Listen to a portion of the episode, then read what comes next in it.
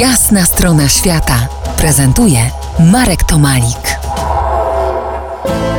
Gościem jasnej strony świata dziś Romuald Koperski, podróżnik, pisarz, pionier wypraw samochodowych po przepasnej Syberii, reportażysta, zawodowy muzyk, pianista i pilot samolotowy. Nie wspomnieliśmy jeszcze tutaj o rejsie oceanicznym. Dwa słowa, Romku, bo to, to był trudny czas dla Ciebie.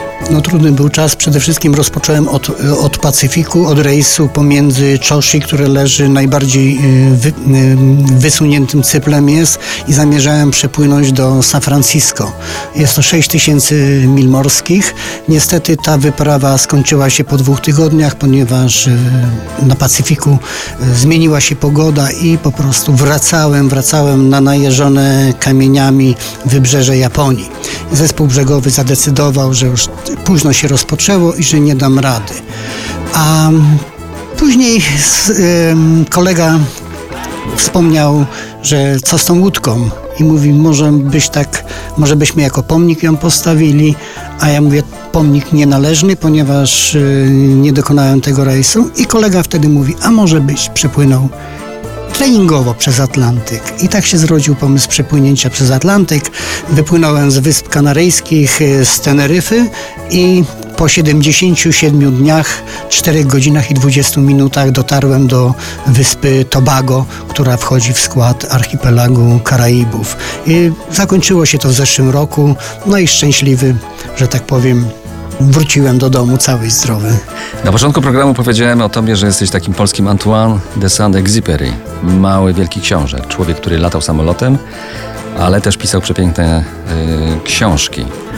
W tym roku miała się odbyć Twoja kolejna wyprawa. Coś tam nie wyszło i jej start przesunięty jest na maj przyszłego roku. To trasa śladami legendy polskiego lotnictwa Bolesława Orlińskiego.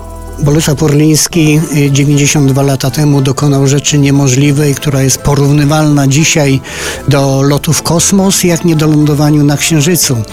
Y, samolotem BZ, prawda, wystartował z Warszawy i przez przepasne rejony Syberii, Syberii doleciał do Korei, która jeszcze nie była północna i południowa i stamtąd przedostał się do Japonii. Został uhonorowany orderem, y, prawda, najwyższym orderem japońskim przez cesarza i w stulecie polskiego lotnictwa skłoniło mnie do powtórzenia tego wyczynu. Innym samolotem ty polecisz Antkiem, tak? Tak, jest to samolot, y, jeśli chodzi o zasięgi i gabaryty, prawie taki jak samolot Beżet.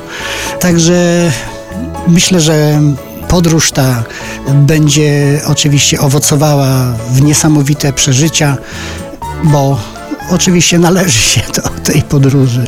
I tu trzymamy kciuki za Twoje plany i mam nadzieję, że do nas, do jasnej strony świata wrócisz po realizacji tego lotu. Przypomnę, moim gościem był Romuald Koperski, autor kilku znakomitych książek podróżniczych, nie tylko pilot Antoine de Saint-Exupéry, mały, wielki książę.